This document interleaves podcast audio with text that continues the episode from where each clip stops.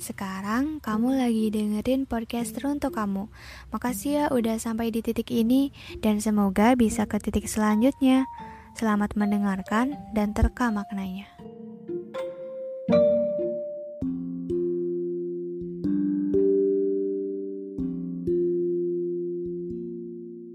Lantaran Ginta masih sedikit ada rasa yang tak dapat diartikan di hatinya, dia berusaha untuk puasa di hari Senin.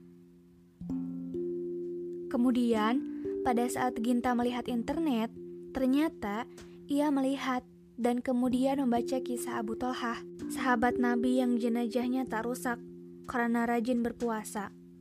Pada suatu kisah, ketika pasukan kaum muslim di masa Khalifah Utsman bin Affan akan berperang di lautan, Abu Talha ikut bersama rombongan.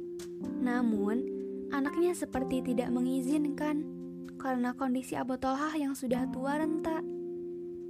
Anak dari Abu Talha berkata, Semoga Allah merahmatimu, wahai ayah kami. Kau sekarang sudah tua sekali.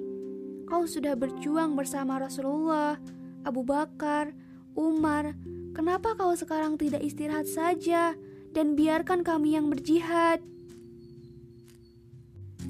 Kemudian beliau menjawab melalui firman Allah Subhanahu wa taala dalam Quran surat At-Taubah ayat 41 yang artinya Allah Subhanahu wa taala berfirman, Berangkatlah dalam keadaan ringan maupun berat, dan berjihadlah kamu dengan harta dan dirimu di jalan Allah. Yang kemudian itu adalah lebih baik bagimu jika kamu mengetahui. Lantas, Abu Talhah pun berangkat dalam rombongan untuk ikut berjihad. Namun, kematian memang selalu bisa dipastikan akan terjadi dalam hidup. Abu Talha meninggal saat berada di tengah lautan bersama pasukan muslimin lainnya kaum muslimin berusaha mencari pulau untuk menguburkan jasadnya, tetapi tidak menemukan satu pulau pun saat perjalanan kecuali setelah tujuh hari lamanya. Anehnya, selama tujuh hari itu, jasad Abu Toha seperti tidak berubah. Seakan-akan Abu Toha hanya sedang tertidur pulas.